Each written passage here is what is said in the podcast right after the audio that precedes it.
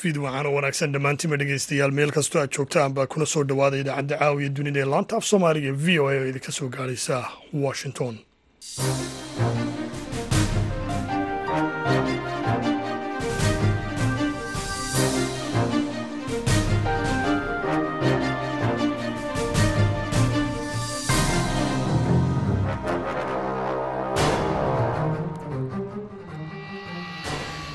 waa fiidnimo jimcaha taarikhduna ay tahay soddonka bisha juun ee sannadka laba kun iyo saddexiyo labaatan. Waxaad naga dhagaysanaysaan mawjada gaagaabane lix iyo tobanka iyo sagaal iyo tobanka mitirban iyo weliba guud ahaanba dunidaod nagala socotaan bogayaga v o a somali com. Haatan dhegeystayaal saacadda afrikada bari waxay tilmaamaysaa toddobadii fiidnimo idaacaddana waxaa halkan idinkala socotiin doono aniga oo cabdixakiin maxamuud shirwa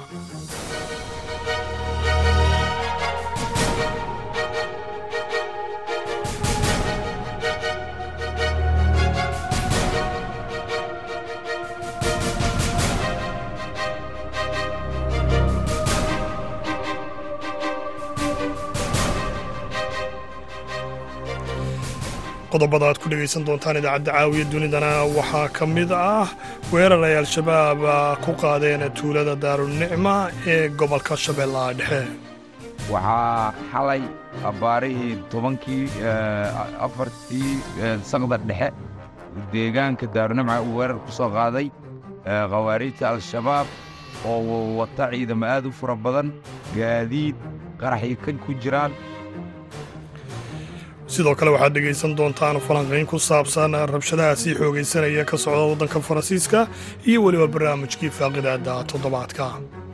Cali jayta xilka uu la wareegay ninuu kala wareegay saddex sano gudoomiye gobol ahay ka hor mar kaloo ahay marka saddexaad la soo magacaabo mar kasta qof marka soo magacaabo shaqaynaya xilka wareegi jiray asaguna xilka uu la wareegi jiray. Wax cusub maaha in gudoomiye gudoomiye lagu bedelo ma garan kara sabab cali jayta maanta in la bedelo dembi u noqon karto shalay in cali una dembi in la bedelo qodobadaas iyo weliba kuwo kaloo soomaalida iyo caalamkaba ku saabsan ayaad ku maqli doontaan intaan ku guda jirno idaacadda hase yeeshee marka hore ku soo dhowaada warkii dunida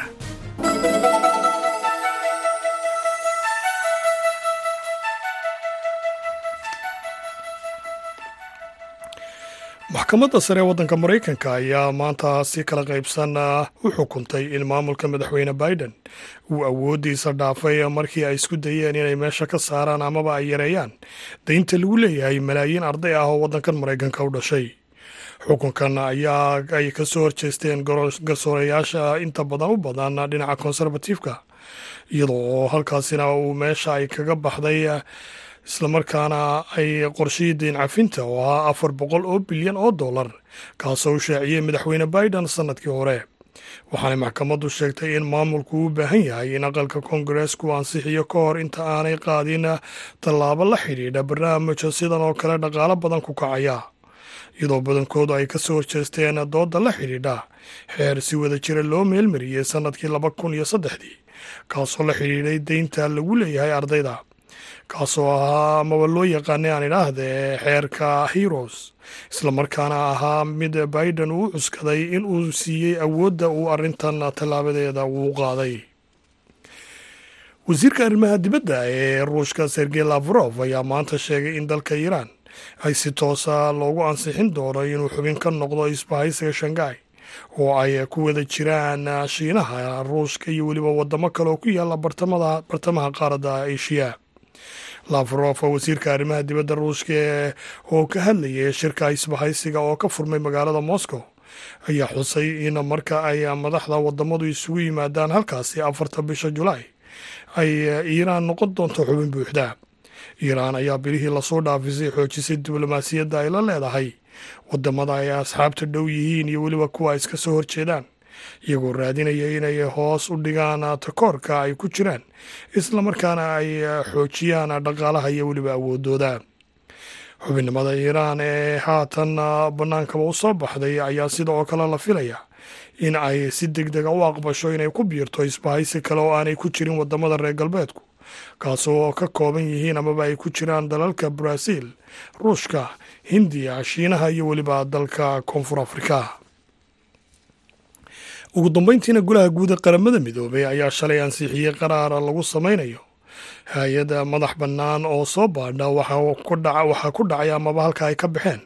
In ka badan boqol iyo soddon kun oo qof oo la waayay tan iyo markii dagaalku ka bilaabmay dalka suuriya. Qaraarka oo jawaaba muhiima uu noqonaya baaqiyo ka imanayay. Qoysaska iyo weliba dadka kale ee dadkaasi heladooda ahaa ayaa cod ay u qaadeen boqol iyo sagaashanka wadan iyadoo haatanna iyadoo markaasina saddex iyo siddeetan ka mid ay ogolaadeen koob iyo toban diideen sidoo kale labiyo lixdan aanay codaynin. Waxaana dalalka qaraarkan ka soo horjeestay aan hay'adan cusub la shaqayn doonin ka mid ah waddamada ruushka shiinaha kuuriyada waqooyi venezuela kuuba iyo weliba dalka iiraan. Dhegeystayaal qodobadii wararka adduunka ugu waaweynaana waa naga intaa haatanna u diyaar garooba qeybaha dambe idaacadda caawiya dunida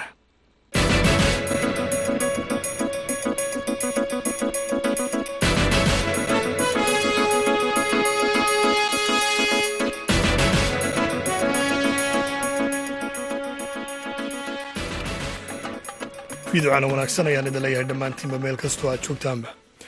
Aan ku bilownay kooxda al-shabaab ayaa saaka aroornimadii galay deegaanka daarunicma kadib markii ay gaadhi qaraxa halkaasi ku weerareen. Ciidanka deegaanka ee macuusleyda iyo weliba kuwa xooga soomaaliya ayaa ka baxay ee deegaanka markii hore.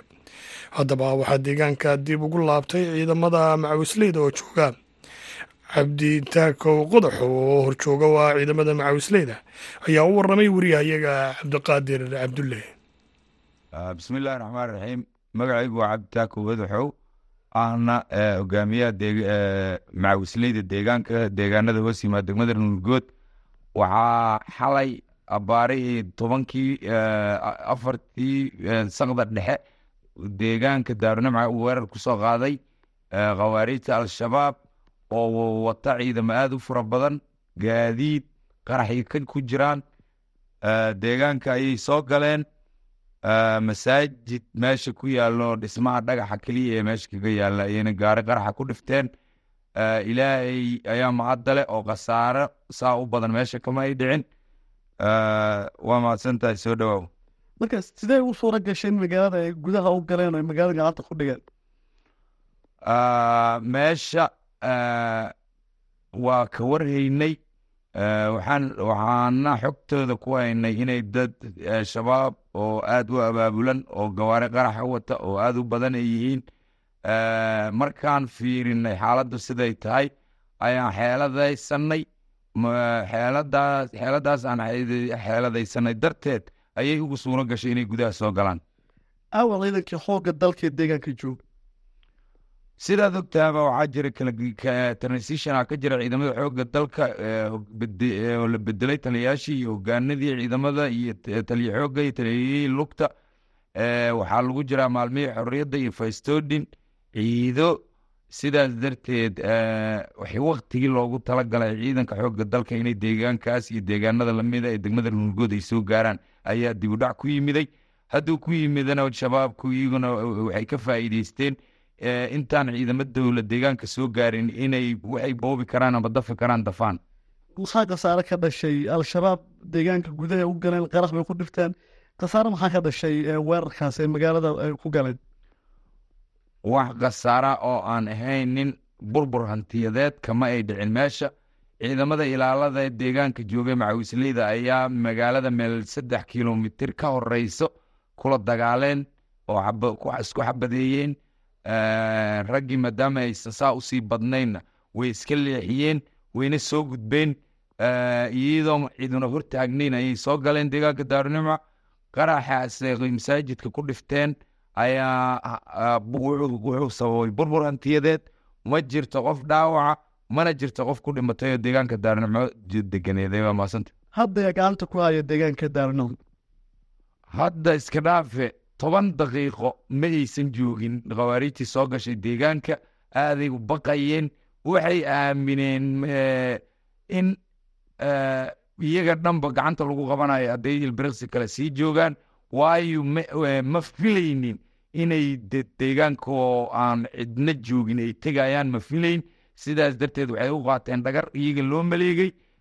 Iyagoo shan daqiiqa jooginay ka laabteen xitaa gudaha uma gelin deegaan meelihii talisyada ciidamada xoogga dalka iyo kuwa macawisleydu me talisyaday deganaayeen xataa lugahooda ma aysan geyn.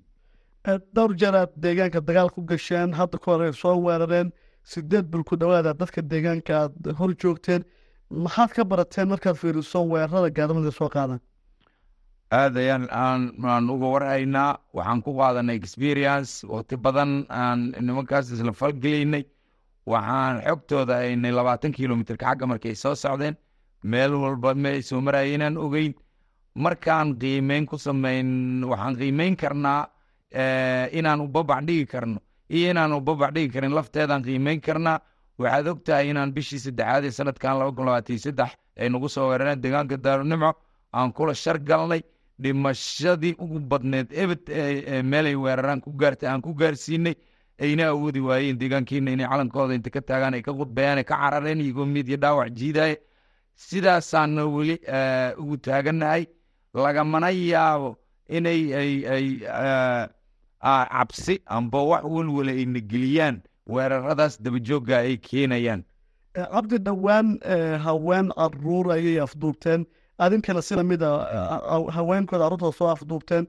Xaggee ku dambeysay arrintaas arrintaasi waxay ku dhammaatay si successfulay ku dhammaatay ma jirin annaga naga hor deegaan amba degmo amba tuulo dad inta laga qafaashay reaction inta sameeyey dad kale soo qafaashay weli ma aysan dhicin.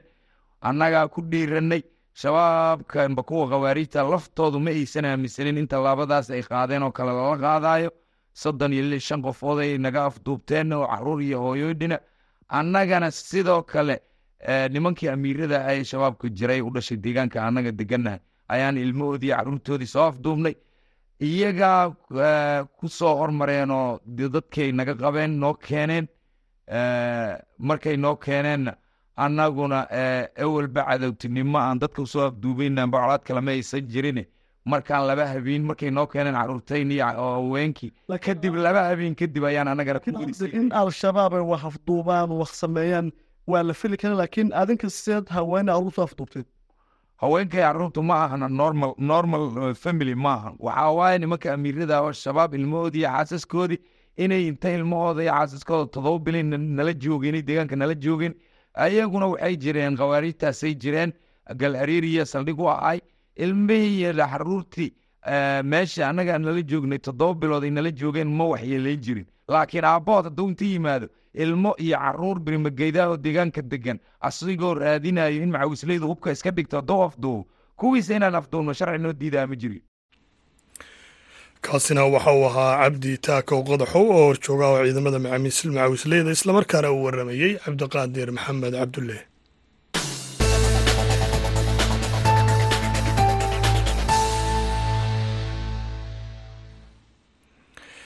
ra'iisul wasaaraha faransiiska elizabeth bourn ayaa jimcihii sheegtay maanta in dowladdu ay qaadan doonto tallaabo kasta oo ay wax ka taraysa soo celinta xasiloonnida iyo weliba kala dambeynta haddaba wararkii ugu dambeeyey rabshadaha halkaasi ka socda waxaa wariyahayaga ridwaan xaaji cabdiweli ka waraystay maxamed salaad cali oo ka faallooda arrimaha faransiiska islamarkaana ku sugan magaalada baris runtii ridwaanow sidaynu wada ognahay talaadadii ayaa wiil la yidhahda nahiil oo u dhashay algeria lagu dilay magaalada baris meesha la yidhahdo nanter runtii wiilkaas kadib markii ay boolisku ku yidhaahdeen istaag wuu yaro istaagay runtii laakiin haddana wuxuu isku dayay inuu baxso inuu baxsado.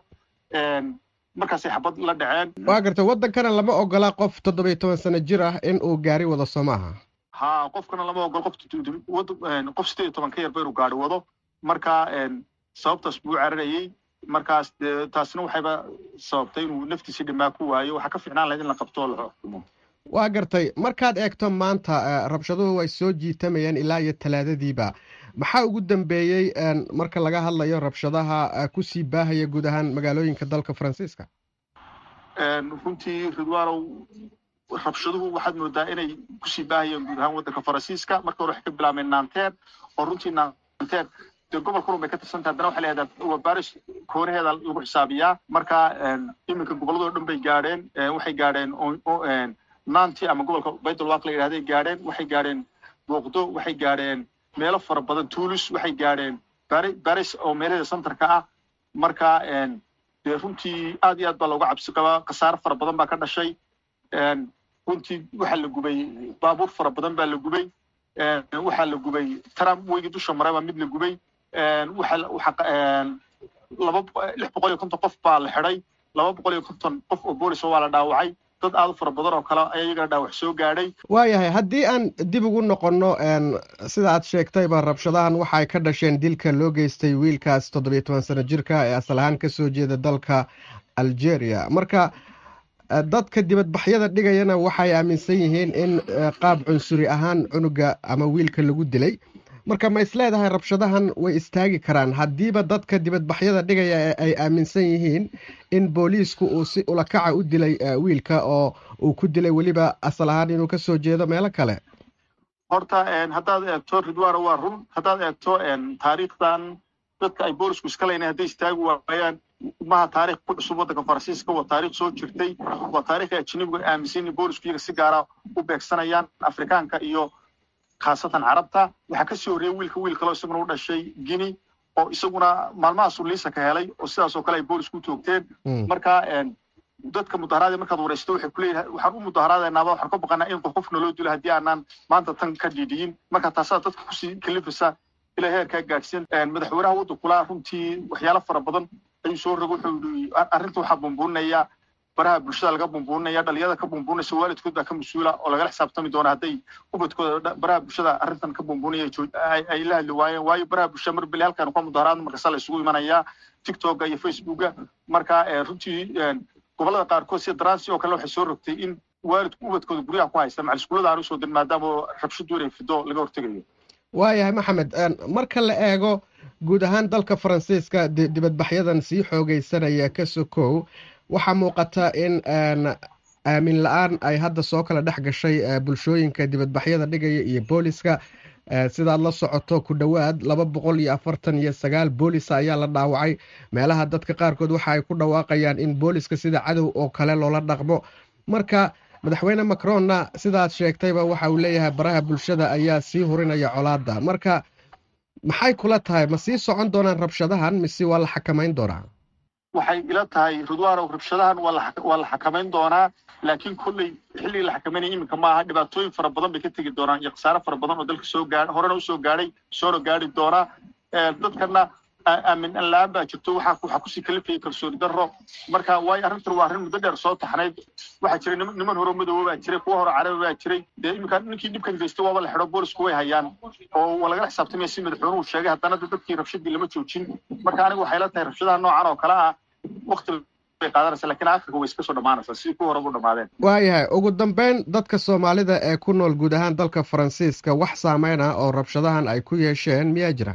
Wallahi iminka rabshadan maantu dee weli soomaalideedu ismaanaan tira koobin. Laakiin xaafado badan waxaa arkaya oo soomaali ku nooshahay. Soomaali fara badan oo soo duubasa oo le baabuurtaa ololaya. Kulli baabuurta ololaya inay wax ku leeyihiin waa way dhici kartaa. Laakiin soomaali fara badan baa soo si toosa u soo tebinaysay marka oo magaalada ay hawshan ka socoto waxaa xusid mudan inay tahay meeshii ugu horreysay ee soomaalida baaray soo degta la keeno oo soomaalidu faras ka soo qaatay malta ayuu soo dejiyey halkaa markaas soomaalida ugu horreysay ee baaray baad inta la garanayo ayaa uu halkay ku dhaqnaayeen ilaa iminkana qaar baa ku dhaqan.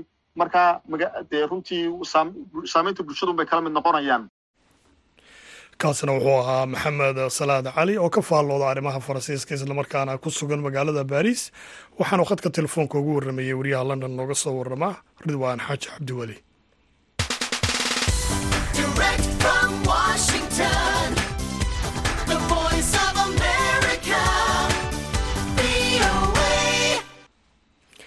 haatana ku soo dhowaada barnaamijkii faaqidaada toddobaadka oo magaalada beledweyne noogu soo diyaariyey wariyahayaga xuseen xasan dhaqane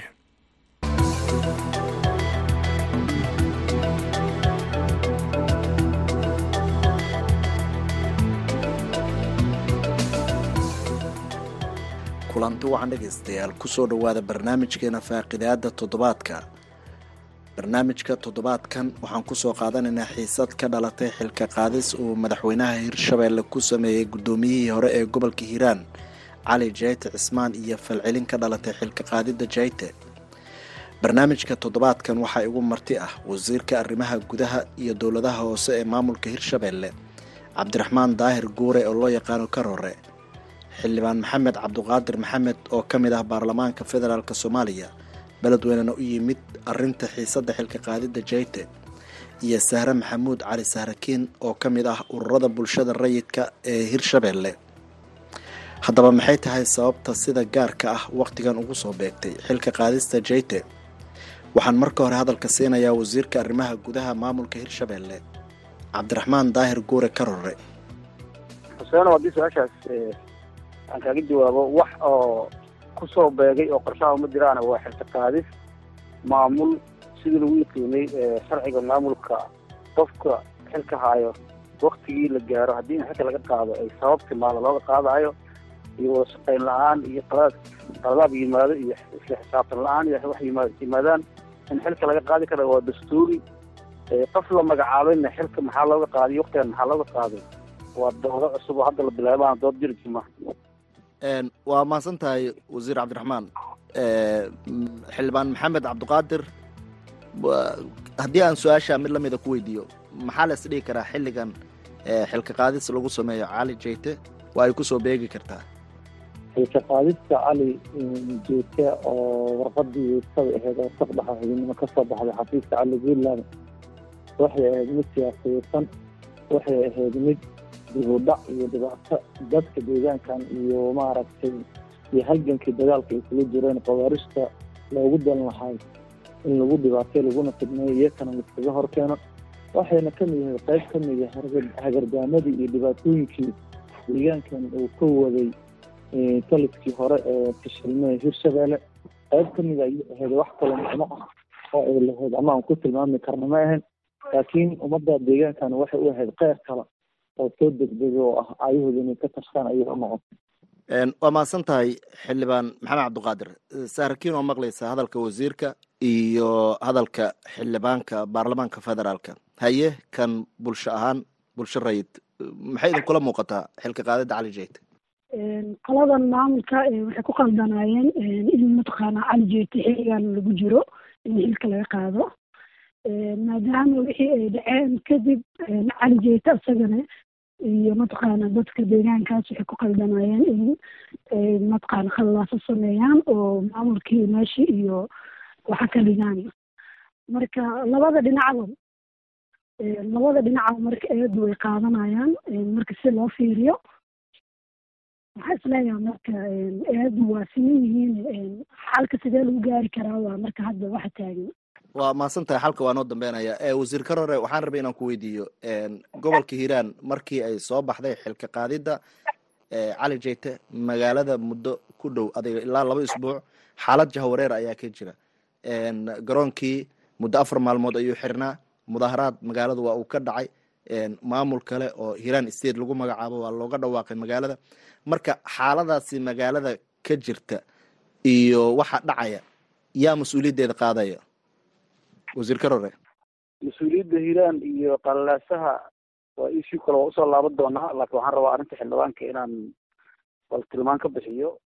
Aniga isagu waxaan u soo joognay ilaa iyo lix toddoba gobernatoore oo la isku bedelay oo xilka loo kala wareejinayo weli ma dhicin xildhibaan federaal gobernatoore uu soo garab istaagayo iyo buuqa dhacayo iyo isku abaabulkaas iyo kacdoon bulsho iyo iska horkeenkaas dhacayo sababtaas waxaan rabaa xildhibaanka inuu faahfaahiyo cali jayte xilka uu la wareegay nin uu kala wareegay. Saddex sano oo guddoomiye gobol ahay ka hor mar kale oo ahay markii saddexaad la soo magacaabo waayo. Mar kasta qof marka soo magacaabo shaqaynaya xilka wareegi jiray asaguna xilka uu la wareegi jiray.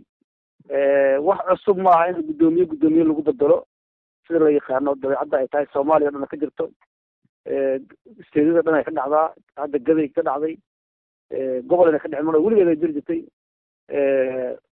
labaatankii sana ugu dambeysay isbedelada ka dhacaya gobolka hiiraan mar walba sharci ay ahaayeen si dastuuri ay ahaayeen ama state ha ahaato ama federaal ha ahaato qof ayaa xilka loo soo magacaabaya qof ayaa kula uu kala wareegayay. Cabdullahi yusuf ayaa hadda la soo magacaabay cali jaytana guddoomiyihii gobolka oo ahay guddoomiyihii hore gobolka xilka inuu ku wareejiyo unbaa muhiimad tahay. Ma garan kara sabab oo warqadda iyo magacaabista iyo xilqa xilqaadista dembi looga dhigi karo hadda ka hor guddoomiye cali jayta asigoo xarunta gobolka ku sugan ayaa madaxweynihii hore maxamed cabdi waare habeen madow wuxuu ku bedelay cabdullahi yusuf row isla markaasna subaxdii xilka waa loo kala wareejiyey. Cali jayta asigoo mataqaanaa diyaarad saaran ayaa warqad laga soo daba diray lagu soo magacaabay cali caraalo oo gudoomiye gobol ah. Maalmo kadibna xafiiska lagu wareejiyey waa ogta taarikhda isqorayso qof inta la soo magacaabay la hor istaagayna ma jirin. Qof inta la soo magacaabay warqadiisa waa sharci darra la yirina ma jirin. Ma garan karo sabab xildhibaanada saaxiibada ee heer qaran ah ay arrintaa qalad ugu fahmi karaan. Ma garan karo sabab cali jeyt maanta in la bedelo dembi u noqon karto. Shalay in cali caraal uma dembi ahayn in la bedelo daraata in cabdullahi sufur la bedelo in dembi ahayn. Madaxweyne ku-xigeenka oo gobortooraa in la bedelo in dembi u ahayn. Maanta cali jeyta sabab dembi looga dhigi kara xilqaadiisa ma garan karo waxaan rabaa inaan aan rabo arrinta qalaasaha arrinta qalaasaha qofkii mas'uulka oo ka shaqeeya qalaasaha aa qaadan doona mas'uuliyadda waxay ka dhaca meeshaas saaxiibadeeda xildhibaanada oo ku sugan iyo guddoomiye hore xilka laga qaaday iyo cid walba amni ka shaqeysa iyo cid walba taba kule waxaan ugu baaqayaa inay dhinaca wanaagsan ay ka shaqeeyaan. Stateka hirshabeelle wuxuu waxaa laba kun toban iyo lixdii la dhisay maanta aan taaganahay aniga asiga hadda qadka sula jirno ilaa maalintaasna tabasho iyo hadal iyo concern wou jiray. Meel hadda mataqaanaa in la wada lagu diidana ma jirto. Meel hadda mataqaanaa qof oo dadka ku xoogayna ma jirto. Shalayto madaxweyneha ka jiri jiro maanta madaxweyneha ka jiro birita madaxweyne kalaa ka jiri doono. Gobolka hiiraanna wuxuu u baahan yahay mujtamaca degan in laysku wado oo laysku haayo. Isbedelkana waa sunno waxaan soo dhaweynayaa saaxiibadeyda haqad ku jiro. Waxaan rabaa inaan dooda ka dhigno dood sharciyeysan xildhibaanka iyo ku faraxsanayo xildhibaanka isagoo maalmahan dambe hiiraanka dhex dagaalamaha arkaye aniga dee aniga isagu saaxiibaan nahe waxaan rabaa soon igu qancin oo hawsha bilaabeen dooda lasu keena keena waxaan rabaa dooda inaan ka dhigno madaxweynihii warqadiisu sharci inay aheedana inaan ka wada hadalno. Gudoomiyaha xilka laga qaadayna inayna dembi inaan ka wada hadalno gudoomiyaha cusubna in la soo dhaweeyo loola shaqeeyo shaqada lagu wareejiyo inaan ka wada hadalno wax kale anu ma garan karo. waa mahadsan tahay wasiir cabdiraxmaan. Xildhibaan maxamed cabdiqaadir wasiirka arrimaha gudaha hirshabeelle sidaa maqlays waxa uu leeyahay. Ilaa toddoba sano oo hirshabeelle ay dhisneed guddoomiyaasha gobolka hiiraan isbeddel waa lagu sameynaya qayli sidan oo kale ma ka imaan jirin. Kan maxay tahay waxay xildhibaanada u garab taagan yihiin oo gaar ah? Haye haddaa ka jawaabto. Oo aada umahadsan tahay walaalkii karoorna xaqiiqdii dhanku ujeediy dooda waa mid kaloo bulshada u baahan in loo istiimiyo qadiyadda meesha taala way ka weyn tahay. Cali jeeta oo lagu bedelo cabdullaahi sufurow qadiyadda meesha taalo way ka weyn tahay. Laba shaksi oo reer hiiraan ah oo aan xildhibaan u wada nahay in la isku bedelo way ka weyn tahay. Waxa la diidanahay ma aan sufuro waxa la ogolayahayna ma aha cali jeete qadiyadda meesha taalo wax waaye oo afkiisana uu ku qiray ummadda soomaalida oo dhegeysanaysana ee uu ku markhaati foray dhegahooda inay tabasho jirtay maalintii hirshabeelle la asaasay ilaa maantadan waxa keliya meesha yaalla waxa waaye tabashadii uu sheegayay wasiirka oo maalinba heer soo maraysay cabashadii deegaankan ay ka qabeen maamulkii hore ee hirshabeelle oo inay isbarbarkatay maantana dhalisay carada aada aragteen oo dadku inay baxeen calijeeti ay u doorteen madaxweyne inuu ka noqdo masiirkooda iyo aayahooda taas ayaa keentay. Waxaa xusid mudan wasiirka walaalkii ah kursiga uu ku fadhiyo wuxuu ugu fadhiyaa oo loo siiyey in uu gobolka hiiraan uu ka soo jeedo in reerka aniga aan hadda xildhibaanka u ahay oo isaga uu ku matalo waxa nasiib daro ah oo aada u nasiib daro ah.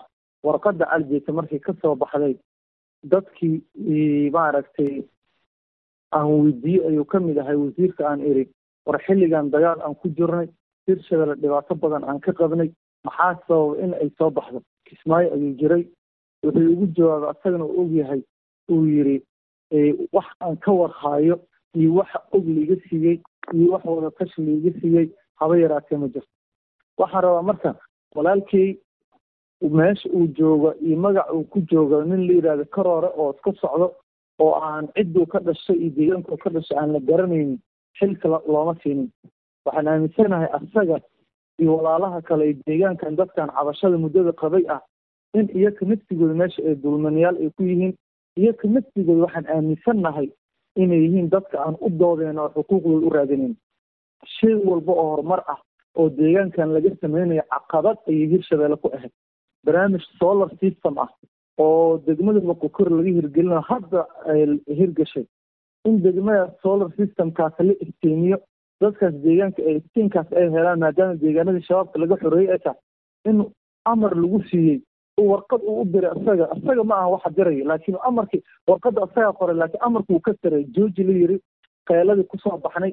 Asaga aniga aan la hadlay madaxweyne ku-xigeenka aan la hadalnay oo solar systemka qeeladaas dheer kadib uu cali guudlaaba ku soo fasaxay marka aniga walaalo dooda maba igala dhexayso walaalkii karoora mana mana raba inaan kala doodo maxaa jira maxaa yeelay doodan maanta waxay ku fiicneed. Aniga cali guudlaaba inayn dhex marto maxaa yeelay walaalkey waa mafcuulkii faacilkii ma ahan. Marka taasay ku qurxaneed inay doodan dhex martee ninkan walaalkii ah oo wax walbo deegaankan ka dhaca haddii aan dhowr mar su'aal ka weydiinay waxba kalama socdo uu yiri taas waa tan labaad xildhibaanada deegaanka maxay ka ka hadlayaan deegaankan iyo dadkan waa waxa mas'uulka ku nahay haddii federaal tahay iyo haddii state tahayba waa waxaan maalin walba albaabada u taaganahay oona waxaan ka wada hadalno oo aan xuquuqdooda u raadino. Xildhibaan cabdi maxamed cabdiqaadir waa mahadsan tahay. Saarkiin waa maqlaysaa xildhibaanka siduu hadalka u dhigay iyo wasiirka arrimaha gudaha. Kan arrin bulsho ahaan maxaa idinkaga soo baxay? Sidee wax u socdaan. Horta wasiirka warkiisa wasiirka waxaa dhinaca janjeero u egyaa asaga litirkiisa. Hirshabeelle laguma imaanin hirshabeelle dad wax isku darsaday waaye qabaaylo badana dhigo. Dad wax isku darsaday oo waxay ku qanacsan yihiin qaarkoodna qanaaco jirin hirshabeelle aa lagu dhisay. So marka qanaacadii ayadoo jirin maalin walba in qof xil laga qaado macno ma sameynayso. Hirshabeelle cali guudlaa waxa uu ku socdo ma maleynayo wax sax inay yihiin mana ahan.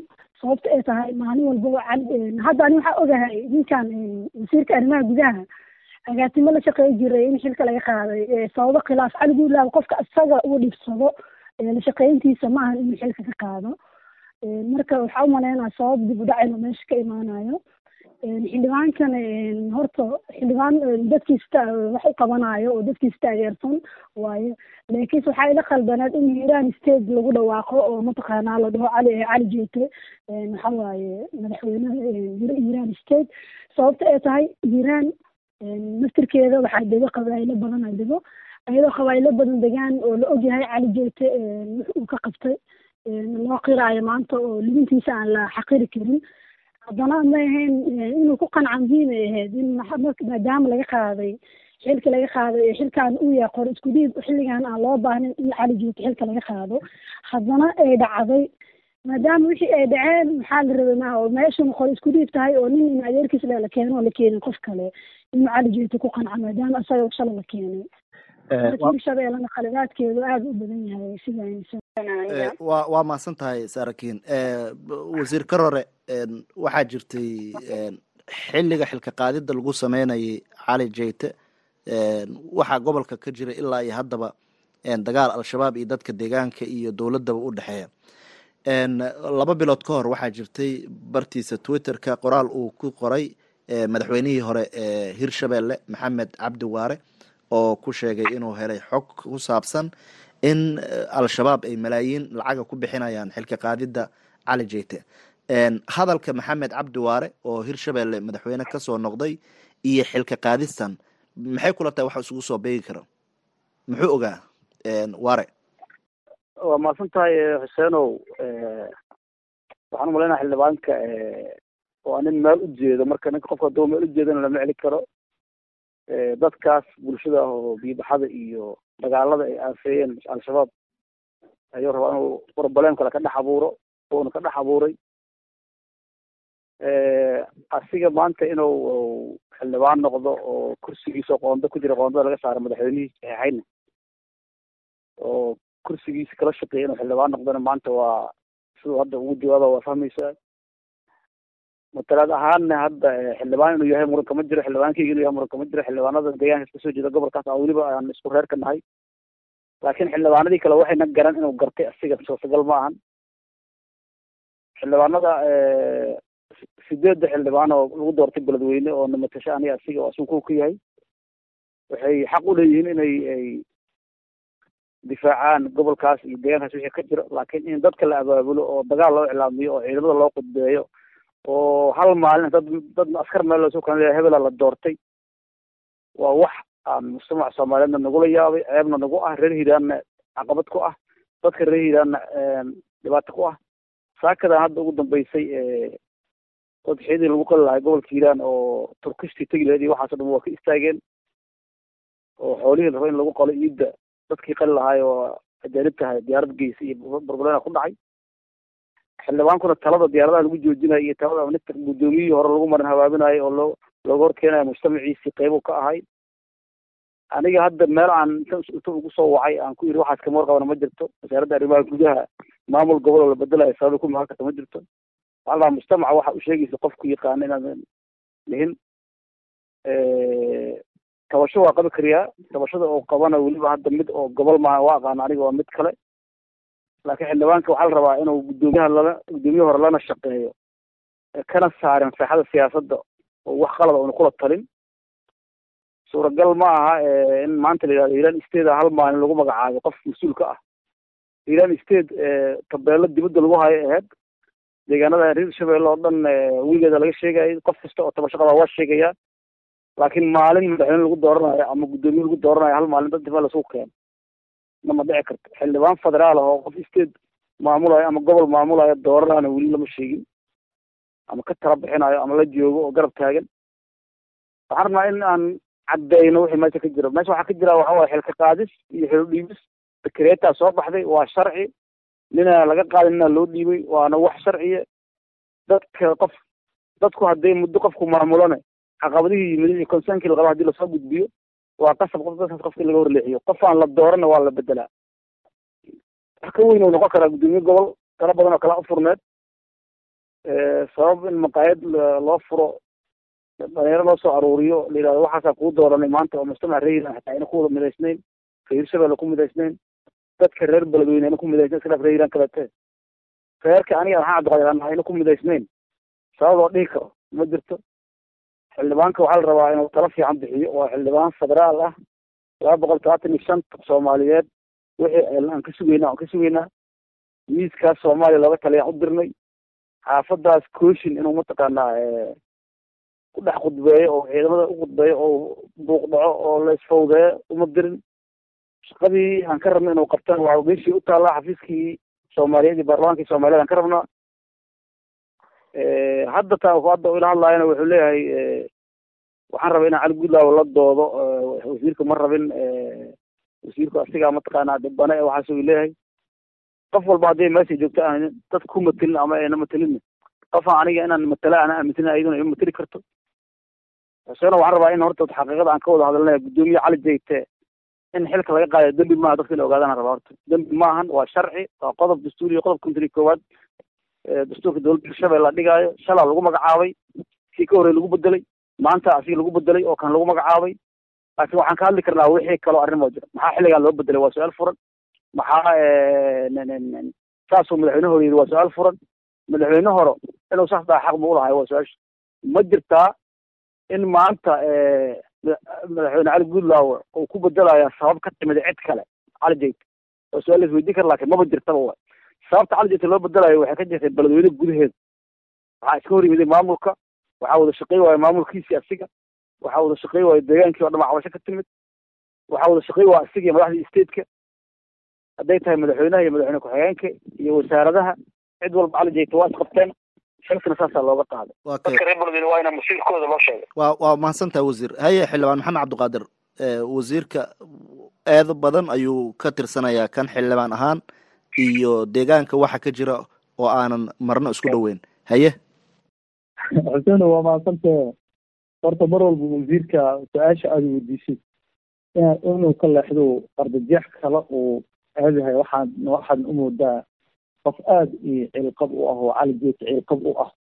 Oo hadalkiisa boqolkiiba sagaashan nin la yiraahdo cali geedka ku soo celcelinaya doodana cali aniga hadda iyo asaga kama dhexayseen waxa meesha yaalla inuu ka doodo wuxuu ummadda ay ku qanci karto oo u sheega sidii saxda ahayd haddaan u talaabto mawduuca walaalkey uu yiri dhowrka su'aale.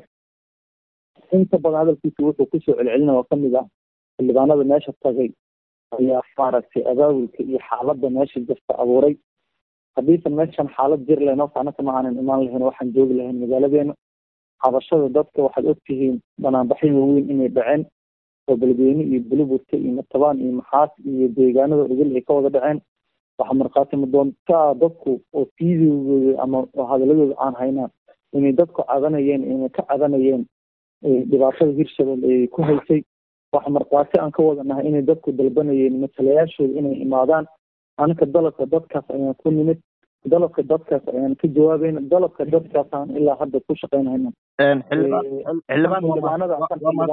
waa mahadsan tahay laakiin tallaabada aa qaadeen ama wasiirka uu idinku eedeynayo oo ah inaad abaabul kala samayseen sow kama habbooneen in wada hadal iyo wax istusin aad wax ku raadisaan oo aadan problemka aadan waxba kale ku sii xuseen oo adigan hadda i wareysanayo ayaa documentigaas laga heli karaa in ninka hadda horjoogihii hore ay hirshabelle cali guudlaada iyo qabiilkan dhowr mar ay hadleen adiga ayaa markhaati ka ah documentida waa laga heli karaa inuu cali guudlaawe cali guudlaawe cali guudlaawe intii ay dhisneed dowladdii hore ayaa madaxweyne loo doortay xildhibaan taa iyadaa wadahadal bay ka soo gudubtay hadda dadkuna inay masiirkooda u jeestaan oo si saxa ugu wada shaqeeyaan waa mid ay go'aansadeen taas ayaana anakana ku hagahaynaa dadkeen wax dadkeena waxaysan rabin kama shaqaynayn waxa dadka ay rabaan waa waxa ka cad beledweyne ka socda waxa beledweyne ka socda ayayna dadka rabaan waxaysan rabin waa waxa aanan socon karin laakiin markii horeba dadkan cid xoogtay ma lahan ayadoo say doontaba ha noqotee raalli laga yahay ama leesla socdo oo aanan qayli kala jirin oo afka in laga hadla mooye tallaabo kale aan la qaadayn ayay maamulkan uu ku dhismay. Taa oo kale in la mara soo kuma habbooneen xildhibaane walaalkay marka uu qofku wax ku ogol yahay oo garaasho oo gara oo garaadkiisa uu dhan yahay in aad wax la leedahay uu qofka og yahay in waxaan meesha yaalla dadka ay ka wada dhexeeyaan wada hadal uu imaan karaa laakiin qof aaminsan wax dhan inuu asaga uu leeyahay oo wixii asaga ka soo harana aysan waxba ahayn wada hadal maba laga gali karo. Ila maxaa yeele qofka sheegaana kula leeyahay markaad uu aaminsan yahay inaad la leedahay ayaa wada hadal lala furi karaa. Waxaan rabaa inaan tusaale cad ku bixi maalinta hirshabelle aasaasay ninka ugu horreya madaxweyne ka noqda wuxuu ahay calin cabdullahi cashabe waa nin dadka deegaankan ka soo jeeda ayuu ahayo gobolka hiiraan. Banaanbixi iyo maaragtay buuqi iyo wixii ku bilowday ayaa ilaa hadda socda cali guudlaba dadkan fursaday siiyeen way la horfadhiiseen tabashadooday dhan wareyd wax walba ha ahaatee. Shalay wiilasheeni waxaan ka diidnaa maanta kaa ogolnahe na hogaami ee waxaan waxaan cabashadeena qabo. Hal kelima inuu ku soo celi ma uusan dhihin waa deen ma qaban kari ma yeeli kari mausan dhihin. Dhammaan inuu qalinka ku wada duula ayuu soo baxay. Odayaasha heshiiskaas la galay dhammaantood shabaabaa madaxa ka wada tagtin ajligiisa u dhinteen. Oo ay madaxa ugu maarata shabaab ugu wada tagteen adigana aad ogtahay wasiirkana ogyahay hebel iyo hebel iyo hebel aan idaacadda aan ka dhihi karnaa maanta.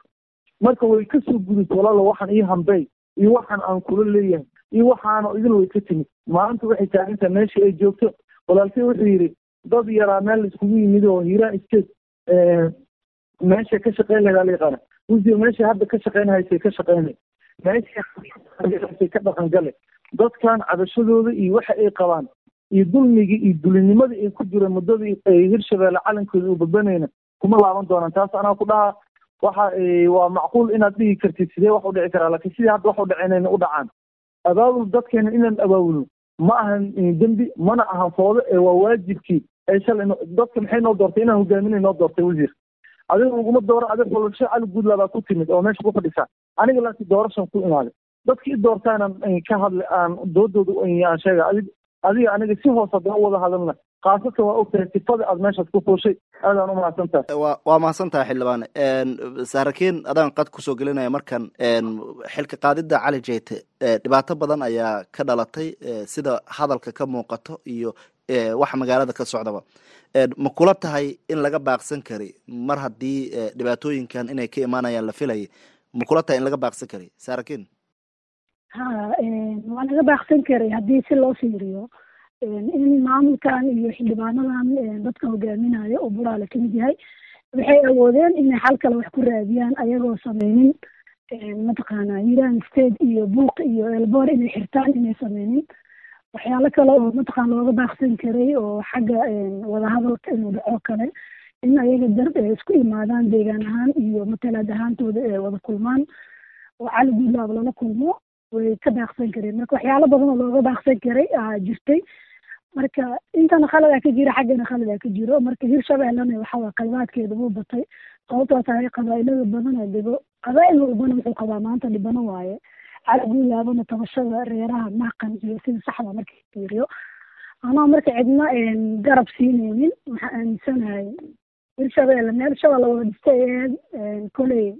Maantana waxay u baahan tahay in ama la wada joogo ama qof walbaba markaas siduu xal u arka uu sameyn doonaa siday la tahay waxaan soo gaarnay qeybaha ugu dambeeya. Wasiir karore dowladda dhexe oo hirshabelle ay hoos tagto xaaladda magaalada ka taagan iyo hirshabelleba waa ay ka warqabtaa. Ma kula tahay wax door ah oo dowladda dhexe uga furan in arrimahan ay soo farageliso inay jirto? Xaaladda beledweyne ka taagan ama hiiraan ka taagan oo magaalada beledweyne ka jirta iyo dowladda dhexe waxaan umaleynaa dowladda dhexe hadda xildhibaanada marka laga reebo caqabad hadda ay dareemayso weyn ma jirtaba. Waxa waaye beledweynean caqabada ka wada jirin. Dhinaca kale galbeedka waa arkeysa odayaasha shir jiraad ay qabteen guddoomiyaha cusub ay taageereen. Hirshabelle ay soo dhaweeyeen waxa meesha ka dhacayna qalad ay ku tilmaameen. Waxaan rabaa in si xaqiiqiyin u wada hadalno oo xildhibaanku wuxuu ogyahay isma ogeysiina dadka kale oo hadda xildhibaanku uu matalane aragtidaas kuma midaysno waa koox waxa waxaas aaminsan shirweyne dadka loo qabtay oo aniga asigu aan shirka ku nahay oo dad dadku wada ku wada qanacsan yihiin meesha kama dhicin. Go'aano shirkii nairobi kadib shir aan u wada hadlayno oo danaha dadka looga hadlao ma dhicin. Guddoomiyaha xilka laga qaaday guddoomiyaha xilka laga qaadayna in la sababeeyo oo sababtii looga qaaday ladka ay fahmaan aaday muhiim u tahay. Shalay ninkii magacaabay ama xafiiska laga magacaabay xilka ka qaaday waktigii iyo dagaalkii iyo xaaladda iyo hadda maxaa keenay hadda maxaa loo dhaafi waaye waxaas waa dood furan. Laakiin xilka qaadistaa qalad aheed iyo xilka qaadistaa kula safanay iyo waxaas meesha kama jiraan. Xuse waxaan rabaa inaan kugu caddeeyo dadka reer hiiraan waxa qabada ma qabaan waxay la dagaalsan yihiin khawaarijka al-shabaab la dagaalsan yihiin deegaanadii bariga oo dhan laga xoreeyana. Goob kasta waa xor goob kastana ciidanka deegaanka gacanta ku haayo. Magaalada beledweynena concernka ka jira oo tabashada oo ku saabsan xafiiska guddoomiyaha isbedelkiisa waa wax laga wada hadli karo waa wax la xali karo waa wax dowladda hirshabelle ku filan tahay. Dowladda dhexa doorka uga furan waa in hirshabelle taageerto maahan xafiiska guddoomiyaha ka shaqeysa maaha. Ma diidan ina gobolka oo buuq ka jiro laakiin buuqa see loo dhigaa waaye waa suurtagal miya in oo la yihahdo gudoomiye xilka laga qaaday aan dooranayna la yihahdo meel dadka isugu geeyo. Dadka reer hiiraan oo ahayn dadka reer hiiraan oo ka wada ahayn sharci darrada heerkaas gaartay in qof xildhibaan oo ka shaqeeyo. La dembiya mise dembi maaha. Dad qof xildhibaan oo inuu uqudbeeyo ciidan oo dagaal uqalqaaliyo iyo buuq iyo inay calan jeejeexaan iyo inay mataqaanaa foodo sameeyaan ma dembiya mise dembi maaha. Taas dowladda dhaxay waxay u taallaa cidda sharciga iskale insha allah waa mahadsan tahay wasiir cabdiraxmaan. Haye xildhibaan maxamed cabdiqaadir xuseen haddii walaalkii uu sharciga afka ku dhuftay waxaan aaminsanahay intii hirshabelle xilka ka hayso uu ugu horeeyo guudlaada iyo dhammaan inay dhammaantood wada dambiilayaal yihiin maxaa yeelay dadkan qalin waa lagu dhacay afna waa lagu dhacay wax u hara ma lahan waa dad maaso ah. Wax aan hadda dadkan u doodeynana ay ka mid yihiin. Tan labaad rabo meeshan dhibaato afkiisa wuxuu ku qirayaa inay meeshan dhibaato ka jirto. Wuxuu haddana haddana uu qirayaa inay wixii dhacay. Siday u dhaceen ku qurxanayno wuxuu leeyahay in lala fadhiistay wareedha meeshan fadhi cali cali jeeta lagu qancinayo xilka qaadisi maba yaalaan meeshan meesha masiira yaalo tabasho muddo soo jirtaa taale way way maaragtay wayna qarxay tab loo qabtana ma lahan walaalkii karoorow reer ahaan anigaa igu reerta waxaa tahay wasiirka arrimaha gudaha inaa wasiirka arrimaha gudaha noqotay waxa ku hesha reerka aad tahay aad ku heshay ma haysaa mas'alo oo anigana igu qancin kartid dadka aad ka dhalatana ku qancin kartid oo ah intaasoo dheefna hirshabelle aad ka hesheen oo faa'iide ah. Intaasoo horumarna meeshaasaa ka hesheen mashaariicdaasaa laga hirgeliyey buundadaasaa laydin sameeyey meelihii argixisada laga qarshiyaa la sameeyo dayactir lagu sameeyey cali guudlaw meeshaasuu ka xerag jaray cali guudlaw horumarkaasuu deegaanka ku sameeyey hal mas'alo ama hal tusaale oo maanta dadka iyagu aad u sharxi kartid oo ay qaadan karaan ama hal doolar oo deegaanka la geliyey markay waa haya maxamed waa muqaatimo doonto ah? Oo adigana ogtahay anigana aan ogahay. Adiga wasiirka arrimaha gudaha ah iyo tiim kaloo la soo diray inaa caligeeta u timideen ku qalqaaliseen in lacagta canshuuraadka oo dagaalka lagu waday oo shidaalka lagu bixinayay oo ciidamada furamaha lagu celinayay ilaa cid kaloo ciidanka taageerisa maysan jirin oo deegaanka dib u xoreyntiisa lagala qaadanay aad ku qalqaaliseen oo buuqa iyo foodada iyo aad dhahday maamulka cali caligeeta iyo asagaa iskhilaafa dhisid buuqa meeshuu ka bilowda ah inaad ku qasbayseen oo ku barashar saarayseen in lacagtaas ay ku dhacday jeebka iyo akoonka puntland walaalkaygu maxaa kugu qasbi jiray? Dadkaan intaasoo xumaan inaad la raadisay adoo heli kara waasacnimo.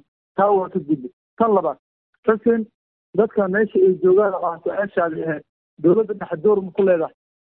Dowladda dhexe iyadaa dalka mas'uul ka ah iyadaa isidi inay isku haysto loo baahan yahay iyadaa muwaadin walba oo cabasho qabo inay la fadhiisato qancisay waajib ku tahay dowladda dhexa arrinta hiiraan ka taagan waxay dhedhexaadinaysaa ay isla fadhiisanaan cali guudlaw madaxweynihii hore hirshabeelle ah iyo cali jeeto madaxweynaha hiiraan isteed ah iyo dowladdaas fadhiisanaa waxay masiirka dadkan iyo deegaankeena wada qiraan. Taasna dowladda dhexena dooray ku leedahay wayna wayna wayna wayna wayna inay soo soo maaragtay wixii cabasho ah. Gobol walba soomaaliya ayayna u bannaan tahay inay la fadhiisatay la hadasho ayna doorkeeda ka qaadato waa mahadsan tahay. Markan waxaan siinaynaa sarakin dowladda dhexe ma ku muuqataa wax dowr ah oo uga banaan arrintan hadda ka jirta hirshabelle maamulkii iyo haddii dadkii deegaanka is haystaan waxay ku khasban dowladda dhexe inay meesha dhexdhexaad ka samayso sidii xal u aragtana meesha wax ku xaliso midda kale waxaa ka jawaabi rabaa wasiirka wuxuu yidhi deegaanka beledweyne bari galbeed galbeed guddoomiyaha cusub way taageereen. Macno ma dad yar oo inta meel iskugu keenay la dhahay shir qabtaa laakiinse galbeedka dadka degan hirshabelle meesha ka taagan yihiin waa la ogyahay. So in yaroo mataqaanaa matalaadoodii ayagana sida hadda wasiirka looga sheeganayo kale looga sheeganayo mooyaane waxba iskuma dhaanto. Bari iyo galbeed markii la dhaho hirshabelle cid taabacsan waa mahadsan tahay saarkiin waa soo gabagabeynaynaa wasiir ka hore adaan ku siinayaa maxay tahay waxa xalka ah oo dadkan iyo deegaankaba ay ku nabadgeli karaan? Adoo soo koobaya. Waa maasanta xusaan xalka dadka deegaan ku nabadgeli karaan. Waa in guddoomiyaha cusub oo la soo magacaabay la garab istaago lala shaqeeyo la taageero. Xildhibaanada saaxiibka saaxiibada ugu horeeyaan ay beritaba ay mataqaana guddoomiyahaas la shaqeeyaan. Guddoomiyihii horeetana ay mataqaanaa ku qanciyaan inuu guddoomiyahaas ku wareejiyo wixii tala ah sida ugu ugu fiican oo aan ku talinayn waxay tahay in dadka aan laga dhex abuurin xaaladan jirin iyo siyaasadan meel kale ka jirin. Aniga xildhibaanka saaxiibkay si ka dhow xildhibaanadan uwada shaqeynaa si ka dhow aan shaqo qabnaa su'aasha uu weydiiyo deegaanka maxaa laga qabtay? Dadka ila shaqeeya ka wasaarad ahaanaan aniga isagu aragnay hirshabelle waxa ka socda mashaariic aan iska aragnay. Aniga isagu waxaan is aragnay deegaanada hadda uu joogo howlaha laga qabanayo kuwa ka socda iyo kuwa laga bilaabi rabo matabaan ilaa maxaas ilaa beledweyne ilaa buuliburde hadda solarka baqori waa la geliyey. Cid walbana waa og tahay hay'adda shaqeynaysan waa og tahay taladaasoo mataqaanaa tala laskaga hor yimid tala la isku qabtay ma ahayn. Xildhibaanka waxaan rabnaa inuu dadka kula taliyo siyaasad iyo horumar oo kala shaqeeye. Madaxweynihii stateka wuxuu leeyahy madaxweynihii hore hirshabelle mada guddoomiyihii la bedelayna wuxuu leeyahy madaxweynaha stateka taas marka waa iska nin oo waa arrin iska cadiyafadaysan xanaaq qof xanaaqsan ahayna deegaan lagu maamuli karo. Xildhibaan federaal ah oo dadkan hogaamiyo oo dadkan siyaasad siyaasad uga shaqeeya oo dadkan ku matalo miiska soomaaliyeed. Waxaan rabnaa ma rabna xildhibaan xaafadaha dhexdooda ka abaabulo kacdoon bulsho iyo mudaharaadyo iyo dhar la jejeexa iyo dab la shidaayo. Deegaankaas aniga asiga aan ka soo wada wuxuu u baahan yahay waa inaan ka wada shaqeynaa waana ka wada shaqeynaynaa waa waa mahadsan tahay wasiir xildhibaan maxamed cabdiqaadir lagu doorta waa yaqaanaa aada umahadsantahe waa waktiga anoo deeqaaminayo walaalkii aada umahadsan yahay waa asaga afkiisa wuxuu ku qiray inaan dadkan horumarkooda iyo deegaan iyo maaragtay inay wax helaan ee horumar helaan inaan asaga ani ka ka wada shaqeynayno wuxuu yidhi xafiisyo badana isla tagno waa runtiis walaalkii ilaa hadda wax ficil ah oo hirgalay oo leeyahay wardabaq hebel ama guri hebela hirgala xeriga laga jira horta noomuusa sheegin wax soo socduu noo wada sheegay. Dhammaantood waxa noo soo socdan caqabadaha haysta isaga iyo anigaba aan ogna. In isbaarooyin yaalaan ogna. In gaaladii loo tagay dadka deeq deeqbixiyaasha ahay waxay noo sheegeen isaga iyo aniga iyo ciddii wax noo sheegtay ugii nala yidhi caqabadaha noocan iyo noocana noo haysta waxa caqabad ku ah isbaaro qalin ku ah waa ekis madaxweynihii hore cali guudlaag waay oo diidan afkoodana deeqbixiyaasha nagu yidhi isagii ani waa ka warhayna. Taas iyo xafiiskiisaba marka laga soo gudbo walaashahii gabadha oo nagula jirto nagula jirta deeda ayaa hadal xigmad badan ka dhawaajisay. Dadka deegaankan xuseenow qabiil ku qanacsan oo dheef ku qaba hirshabeelle ama shabeellada dhex ha ahaato ama hiiraan ha ahaato oo caaw inay idaacad soo istaagaan dhahaya xarun caafimaadaan helnay waxaan helnay xarun waxbarasho ama xelalaa helnay ama xoolaa helnay. xalku wuxuu ku jiraa eh, maamulkan wuu ku fishilmay inuu dadkan isku haayo. Dadkii waa la isku hayn waaye laba gobol iyadoo ahuu cali guudlaaba yimid. Maanta hal gobol guddoomiye gobol uu ka yahay. Riwaayadan ah isagii golihiisa wasiirada ah. Ha iskaga sii dhex jiraan. Total waxaba u dhiman toban bilood tobankaas biloodna maamulkan hadda cali geedta waxaa loogu fadhiyaa in walaalaha eh, maqan oo gobolka nala degan lagu qanciyo la soo baryo geed dheer iyo geed gaaban lagu fuulo dadkana masiirkooda galbeed iyo bari lama yidhaahdee hal masiiraa ka wada dhexeeyo hal magaco hiiraan la yidhahdana way u wada dhimanaan taas inaan ka wada shaqeyno taasaana dadkeena garab iyo gaashaan ugu noqonaynaa waa mahadsan. mahadsan tahay Eh, saare maxamuud cali saarakiin gabagabada maxay tahay waxa xalka aad u aragtid xalka u arkaa aniga dadka deegaanka oo qanaacad buuxa la siiyo la isku keeno. Gobol nabadeed loo dhigo kadib waxaa imaan kara in la wada hadlo oo xalna meesha ka yimaado. Intaa waxaa ku eg barnaamijkeena faaqidaada toddobaadka oo aan ku soo qaadanay qallaasihii ka dhashay xilka qaadidii guddoomiyihii gobolka hiiraan cali jeyte cismaan. Waxaa toddobaadkan dooda igala qayb galay wasiirka arrimaha gudaha maamulka hirshabeelle cabdi daahir guure karore xildhibaan maxamed cabdiqaadir maxamed oo baarlamaanka federaalka ka mid ah iyo sahre maxamuud cali saarakiin oo xubin ka ah ururada bulshada rayidka ee deegaanada hirshabeelle.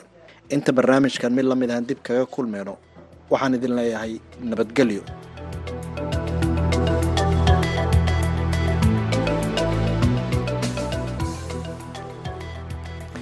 xubintaasi dooda gaabanna waxaa magaalada beledweyne inoogu soo diyaariyey xuseen xasan dhaqane. Gabagabadii dhegeystayaal idaacadayna maraynay haatanna aynu ku wada nasanno islamarkaana aynu jaleecno dhinacii kaalmaha heesaha